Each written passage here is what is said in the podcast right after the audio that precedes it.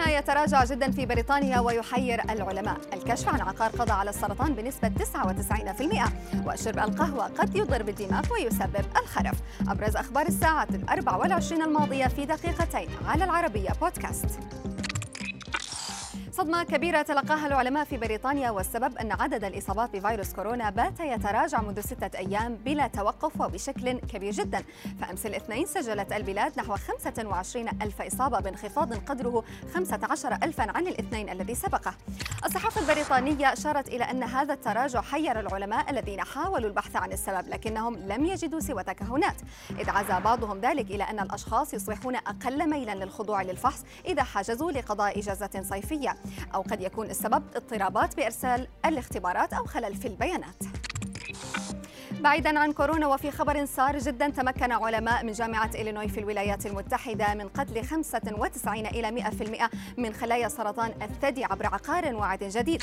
الاختبارات التي أجريت في المختبر على الفئران أظهرت أنها تتحمل حتى الجرعات الكبيرة من هذا العقار مؤكدة أن عدد الخلايا السرطانية تقلص في المتوسط بعد مضي بضعة أيام على بداية الاختبار بنسبة 99% فيما أشارت معلومات إلى أن هذا العقار ليس لديه أي آثار جانبية. أفاد موقع بولت سكاي المعني بالشؤون الصحية بأن نقص فيتامين إي في أجسامنا ينذر بمشاكل صحية خطيرة منها فقد الإبصار وضعف العضلات بما فيها عضلة القلب وخطر نزيف الدم والخرف. الموقع أشار إلى أن أسباب نقص فيتامين إي يحدث بسبب بعض الحالات الطبية التي تقلل بشدة من امتصاص الدهون في الجسم إلى جانب بعض العيوب الوراثية. لافتا إلى أن هذا الفيتامين موجود بشكل طبيعي في العديد من الفواكه والخضروات والحبوب والمكسرات والزيوت.